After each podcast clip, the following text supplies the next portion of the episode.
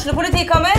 Ine Jansen er purk. Er du purk? The motherfucking bitch. Alt jeg vil, er å finne ut hva som skjedde med mannen min. Jon Carew. Er jeg sikta for noe? Iben Akeli. Det er du.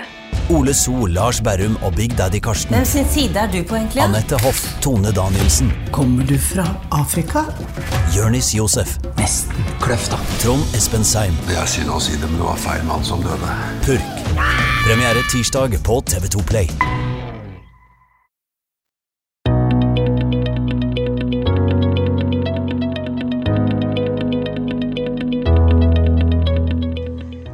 Du har kanskje lest om Ole Petter Gjelle. Ole Petter er hjerneforsker, lege og foredragsholder. Mange av oss kjenner han som fastlegen som mener folk har så godt av fysisk aktivitet at han rett og slett begynte å trene med pasientene sine. I høst kom han med boka 'Sterk hjerne med aktiv kropp'. Velkommen til deg som hører på, og velkommen hit til TV-podden, Ole Petter. Du, Hvordan ble du så interessert i hjerner? Du, Jeg startet eh, på legestudiet midt på 90-tallet. Så husker jeg vi hadde noen utrolig gode forelesere som var eksperter, eksperter på hjernen. Og eh, ja, da ble det sådd et lite frø. Og Jeg var mest fascinert av det at dette organet her, som eh, gjør så mye fantastisk, det hadde vi relativt lite kunnskap om. Det var det organet vi kunne minst om. Så da, da bestemte jeg meg for å ta et års pause fra legestudiet, sånn etter to år, og så forsket jeg et år sammen med en av disse professorene som jeg traff tidlig i studiet. Så det var da det begynte. Hva forska du på da?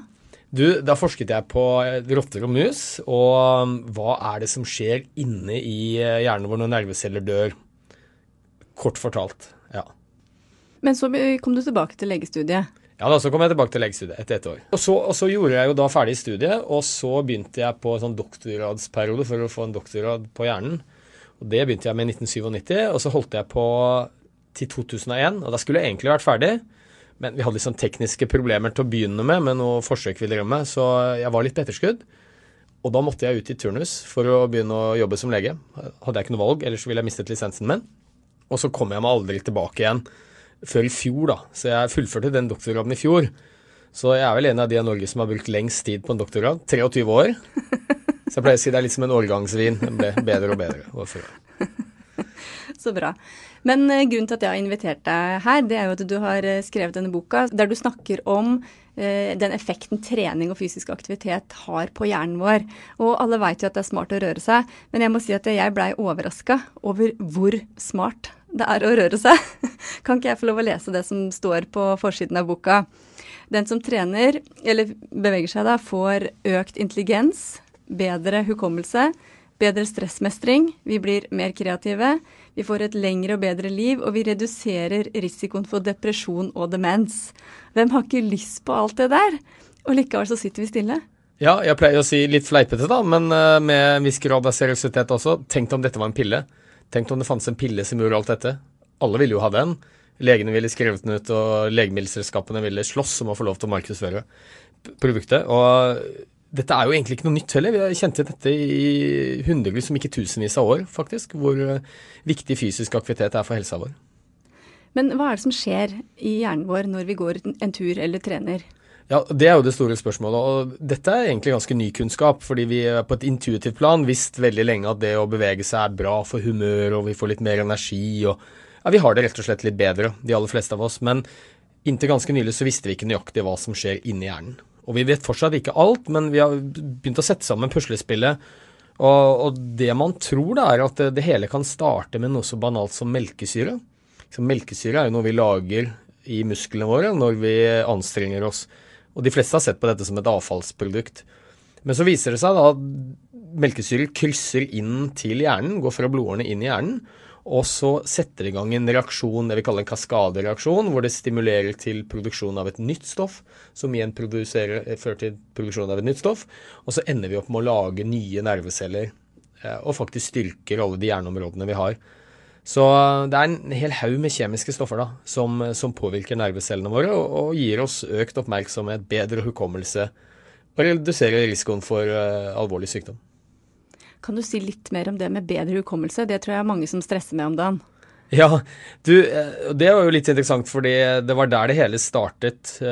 Midt på 90-tallet så var det noen amerikanske forskere som hadde en mistanke om at det å bevege seg var bra for hukommelsen og hjernen. Og så visste de ikke helt nøyaktig hva som skjedde, men lang historie kort så tok de noen uh, forsøksdyr, noen rotter. 50 rotter og delte de to grupper. Og den ene gruppen de fikk løpehjul inne i buret sitt, og den andre gruppen de hadde bare mat og drikke. Og Så fulgte han opp disse rottene, og når rotter får et løpebur i buret, så, så løper de. Løpehjul. Så um, fulgte han opp disse rottene i mange uker, og så viste det seg da de rottene som hadde trent, de var mye bedre problemløsere enn de andre rottene. Det kan du teste ved å putte godsaker i en labyrint og se hvor lang tid det tar før de finner det osv. Og, så og så åpnet man opp hjernen til disse rottene, og så viste det seg da, og dette var en medisinsk revolusjon, starten på det, at et lite område som heter hippocampus, som styrer hukommelsen vår, det hadde vokst hos de rottene som hadde trent. Og dette var første gang man klarte å vise at man kan lage nye nerveceller. Fra, helt fra tidenes morgen så har man helt til på midten av 90-tallet så har man trodd at når nerveceller dør, så kommer de aldri tilbake. Og så viser det seg at jo, vi kan lage nye nerveceller, og spesielt i dette hukommelsessenteret vårt. Og det er ingenting som stimulerer til nydannelse av nerveceller i dette området mer enn det å bevege seg. Ikke sjokolade engang? Jo da, jeg, sjokolade, sex, søvn, alt dette hjelper det òg, men uh, ingenting som slår treningen, altså. Dessverre.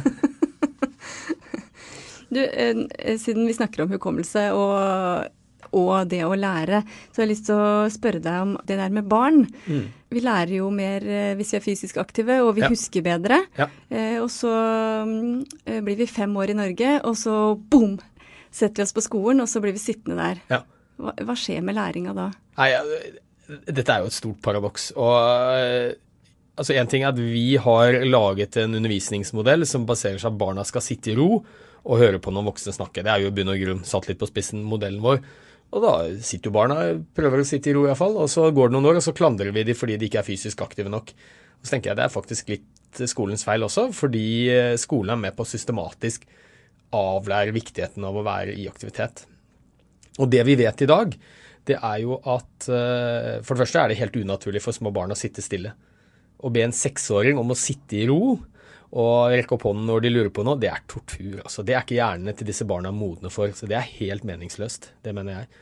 Og um, det gjør bare, det skaper bare frustrasjon både hos de voksne og hos barna.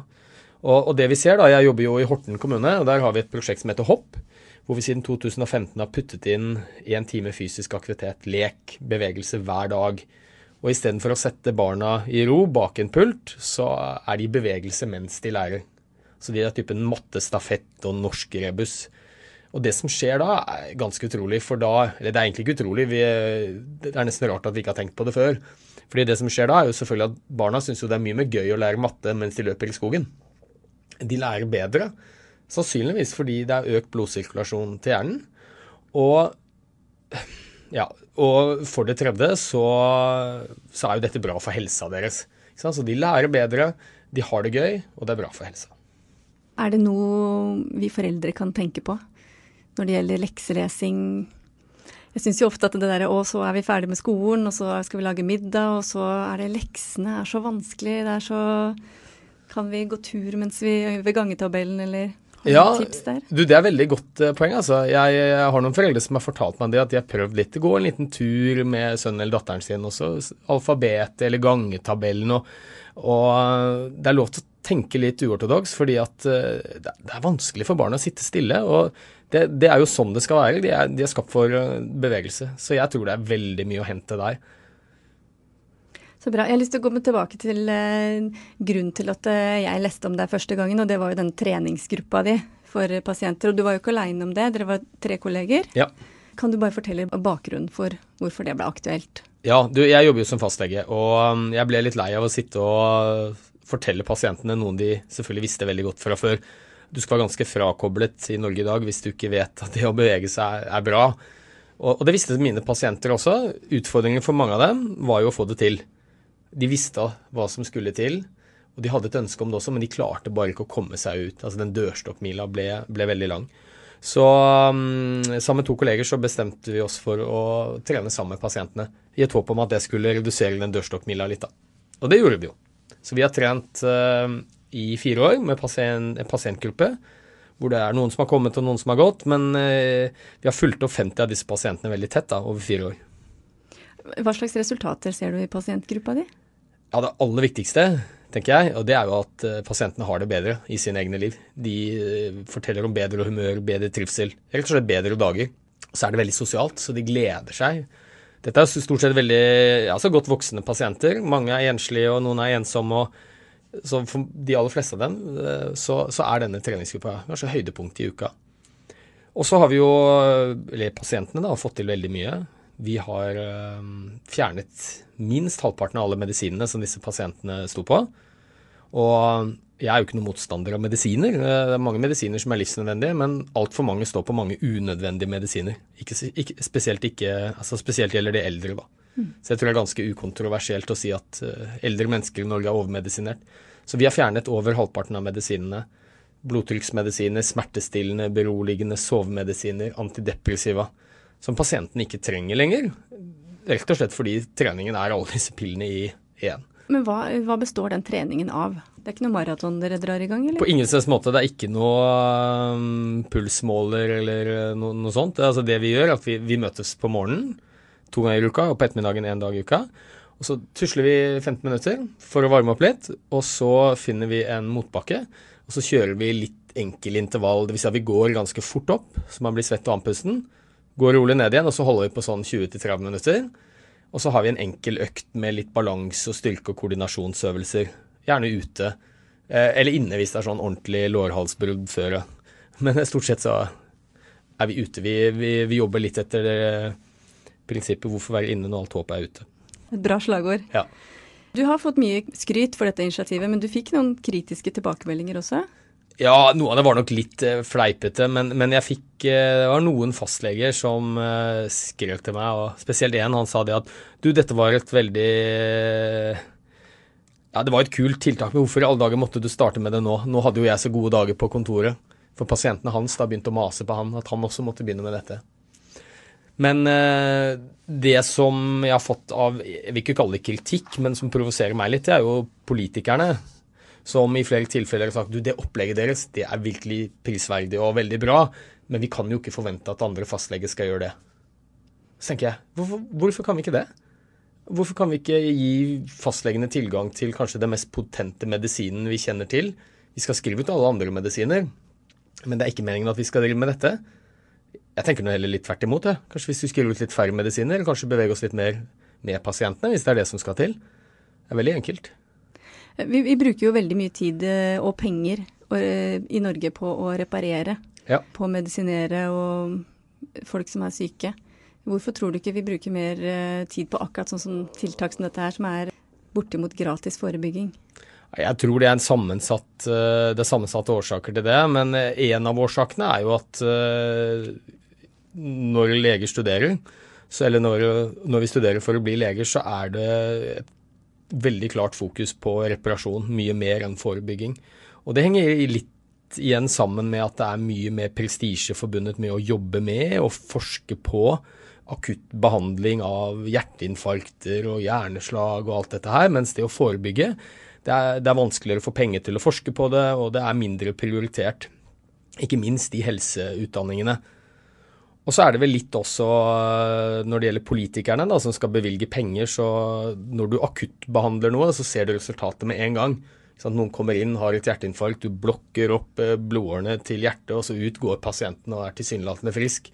Men skal du forebygge, så må du legge inn en del innsats først, og så kommer ikke gevinsten før mange, mange år senere. Og da er det en annen politisk hverdag, ikke sant. Og politikerne er jo kronisk nærsynte, fordi de, har, øh, de skal velges igjen, og det er fire år, så horisont maks. Så det er nok mange årsaker. Men det er Vi har jo egentlig ikke et helsevesen i Norge, vi har et sykevesen. Vi bruker altfor mye penger på reparasjon og for lite på forebygging.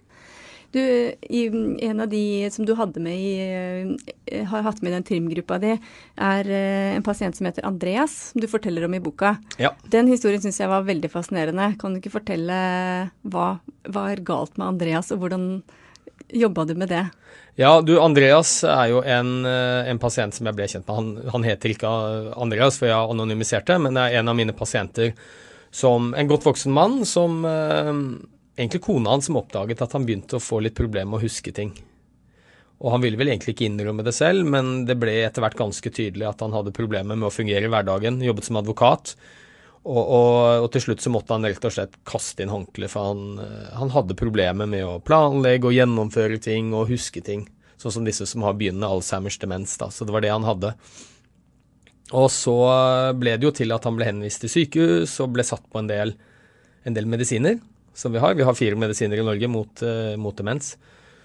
Og det viste seg at han hadde uakseptable bivirkninger ved det. Så vi ønsket å prøve noe annet, og, og, jeg visste jo veldig godt at det er mye gode resultater på hvordan fysisk aktivitet ikke bare kan forebygge demens, men faktisk også være med å bremse forløpet på sykdommen når de først får sykdommen. Så han ble med i den mosjonsgruppa vår. Og det var ganske så kult, fordi eh, over natta så var jo alle bivirkningene borte da han sluttet med medisinene. Og han, han fungerte bedre, altså. Eh, helt klart bedre med treningen enn han gjorde med medisinene. Og det tror jeg er to årsaker til det. Det ene er jo at det skjer en del kjemiske ting inni hjernen når du beveger deg, som ikke verdens beste medisiner er i nærheten av å matche. Og så skjer det noe med måten vi tenker på oss selv når vi er i bevegelse og blir våre egne terapeuter. For jeg tenker det, det skaper ikke noe mestringstillit å ta en pille. Men det å sette i gang med en livsstilsendring og få det til, og se at kroppen responderer bedre og formen er bedre og sånn, det gir en veldig god følelse, det vi kaller mestringstillit, som er viktig for å fungere godt i hverdagen. Jeg eh, har kanskje tenkt at hvis eh, noen får Alzheimer eller begynnende demens, så er det kjempelurt eh, å begynne å løse kryssord f.eks., eller gjøre sånne klassiske tenkeoppgaver. Men nå sier du at det er bedre å gå seg en tur. Ja, og, og jeg Kanskje? sier selvfølgelig ikke at kryssord og sudoku er, er bortkastet tid, for det er det langt ifra. Det kan være veldig positivt. Men, men, det forskningen viser, er jo at hvis du løser mye kryssord, som jo er positivt, så blir du først og fremst god til å løse kryssord. Men hvis du er ute og beveger deg, så du får opp pulsen, så, så skilles det ut en del kjemiske stoffer som påvirkes hele hjernen. Så jeg pleier litt, litt forenklet å si at det styrker alle hjernens funksjoner. Så, men gjør gjerne begge deler. Men det er ingenting som slår det å gå ut og bevege seg. Gjerne ute i naturen. Men eh, er det samme hvor du går? Eh, kan man ha liksom den samme turen hver dag, eller er det smartere hvis man har f.eks. begynnende Alzheimer, å gå en ny tur, så gjerne for noen nye utfordringer? Ja, jeg skjønner. Nei, det, det, det, blir nok litt spekulasjon. Jeg tror den viktigste forskjellen her er å gå mellom å bevege seg og ikke bevege seg. Og Så er det nok litt sekundært hvordan det gjøres, men det er en del studier som tyder på at det er bedre for hjernen vår å, å gå ute i naturen enn å f.eks. gå på en tredemølle eller være inne i treningsstudio. Sannsynligvis av den enkle årsak at det er flere områder som blir stimulert i hjernen. Du får flere sanseimpulser, underlaget er litt ujevnt, det er lyder. Det er ting du må forholde deg til ute i naturen som du slipper inn på treningsstudio. Så, men, eh, men jeg er litt sånn redd for å rangere øvelser til best og ikke så bra. Jeg tror det viktigste her er å snakke om det å bevege seg. Å få til det, og så er det litt sekundært. Hvis, du, hvis det er viktig for deg å være inne, så gjør gjerne det, men kanskje er det enda bedre å være ute. Du, eh, de pasientene dine de kunne, de kunne, velge mellom å være med én gang eller to ganger, eller hvis de var skikkelig ivrige, så fikk de være med på alle tre ja. treningene i uka. Um, og så tror jeg det her er et sånn eh, generalspørsmål. Fra den norske folkesjela kommer det spørsmålet her. Hvor mye må vi gå, eller hvor fort må vi gå, og hvor mye må vi trene i uka for at det skal ha en effekt? Ja, for det skal ha en effekt. Du, og her er det alle fins, og da pleier jeg å si det er ingen som har klart å finne en nedre grense for når det ikke hjelper lenger. Så alle monner drar. Men det er jo sånn at uh, jo mer vi beveger oss, jo større helsegevinst får vi. Og bare nå veldig nylig så ble det gjort en svær undersøkelse i USA med over 120 000 forsøkspersoner, eller personer, hvor man så på risikoen for å dø. Og da delte man disse menneskene inn i åtte kondiskategorier. De som trente ingenting, helt opp til de som var eliteutøvere. Og så fulgte man de i mange år, og så så man hvor mange prosent døde fra hver gruppe. Og, og da viste det seg at de som trente aller hardest og aller mest, de hadde lavest dødelighet. Så det sunneste du kan gjøre, er å trene ekstremt mye og veldig hardt. Men det er jo utopi for folk flest. Og da tror jeg man mister lysten. Så, men det som er så fint, er at uh, den forholdet mellom hvor mye du gjør, og gevinsten din er ikke rettlinjet. Det vil si at hvis du dobler treningsmengden din, så dobler du ikke helsegevinsten. Den store helsegevinsten den får du når du går fra å gjøre ingenting til å gjøre litt.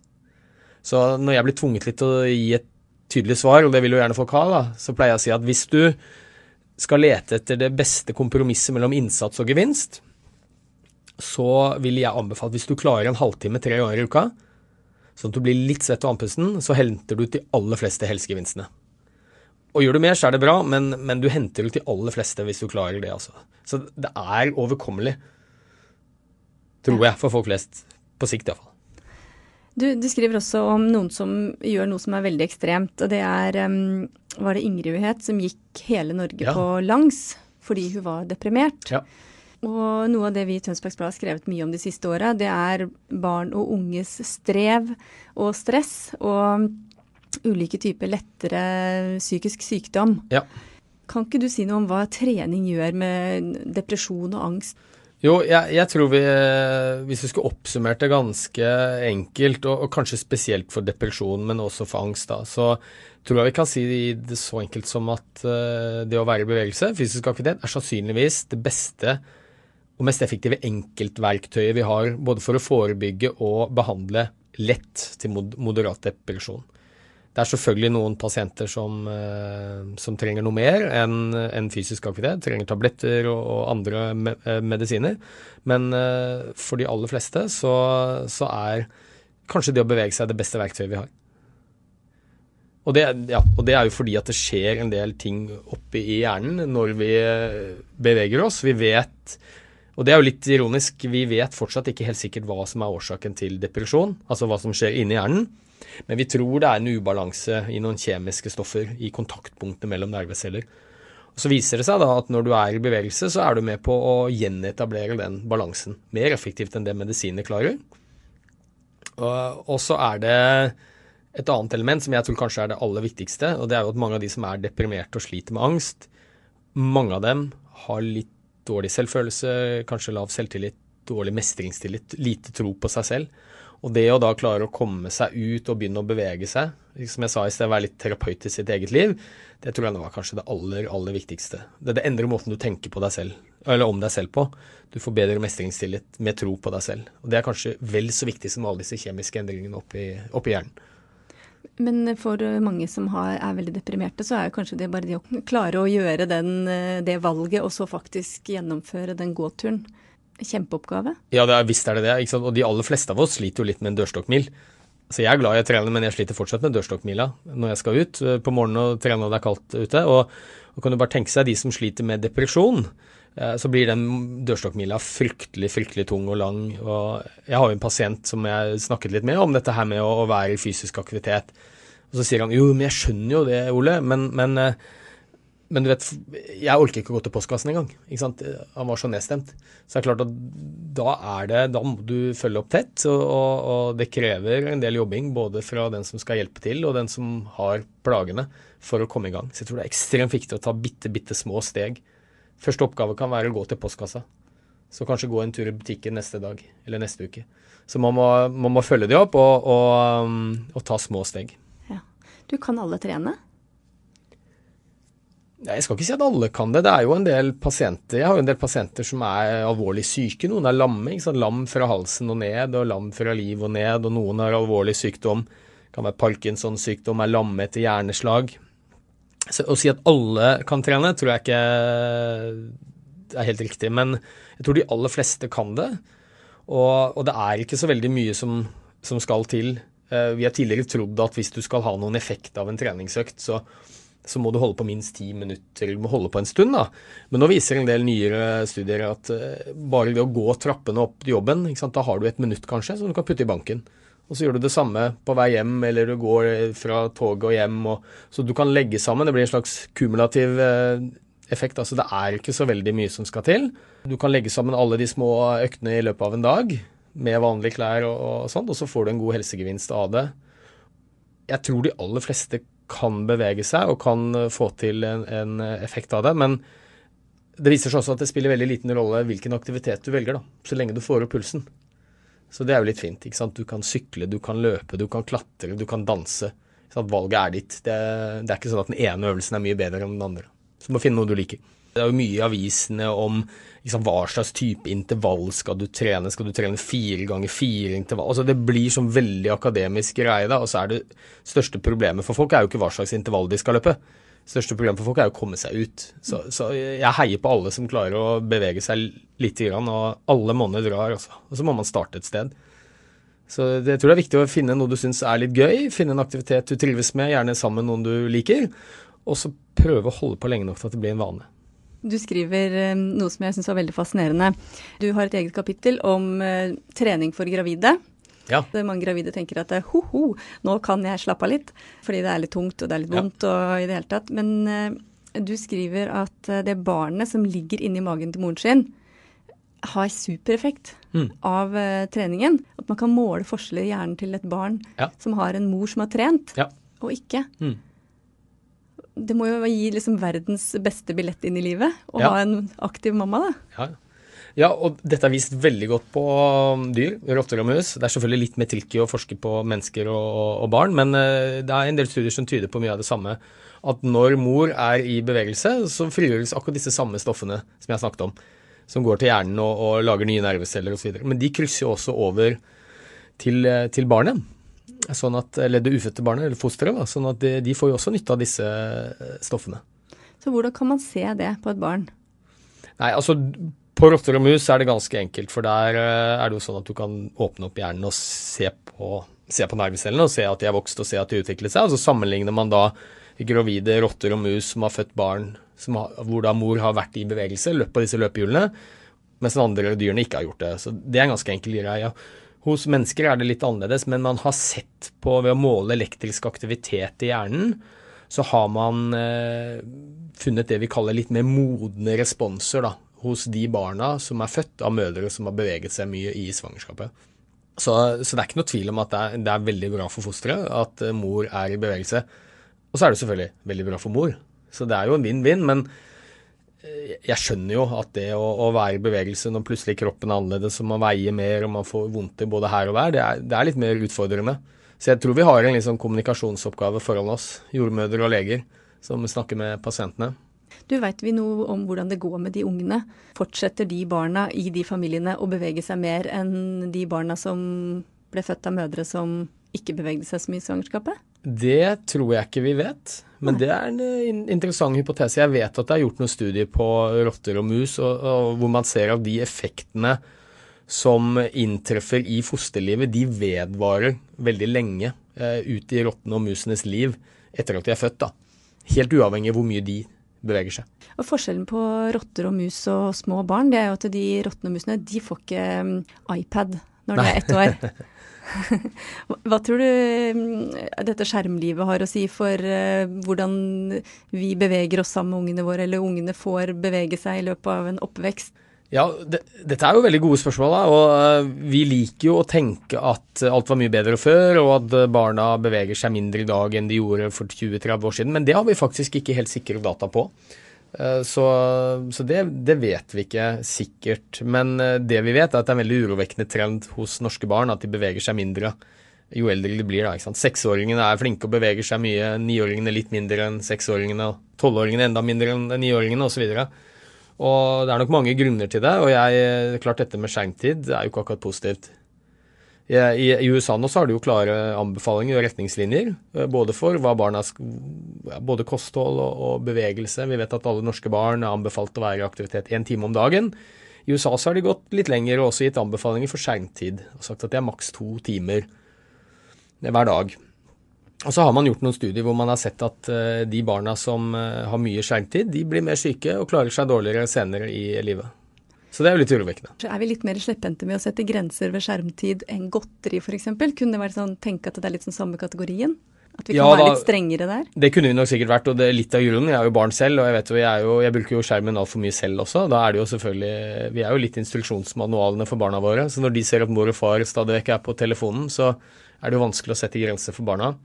Men det vi ikke vet helt sikkert, det er jo om det er skjermtiden i seg selv, det å sitte på en iPad eller en telefon, om det er skadelig, eller om det er mer det at det gjøres mens man er i ro. Altså vil si at du er jo inaktiv.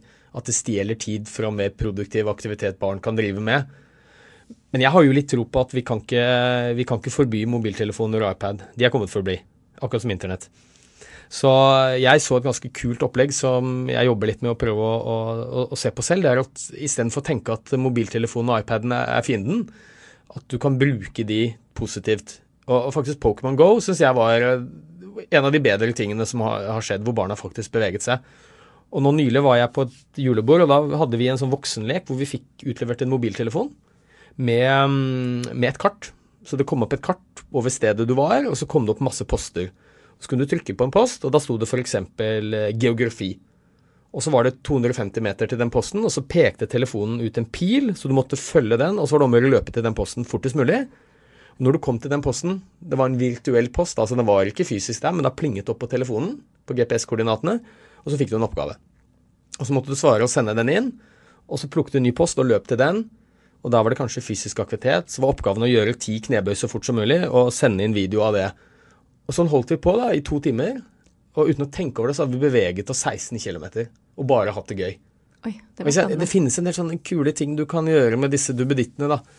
Uh, fordi jeg tror ikke det å forby dem for barn er løsningen. La oss heller bruke det til noe positivt. Du, i januar det er veldig mange som er veldig motivert. Vi har kjempelyst til å legge om livsstilen.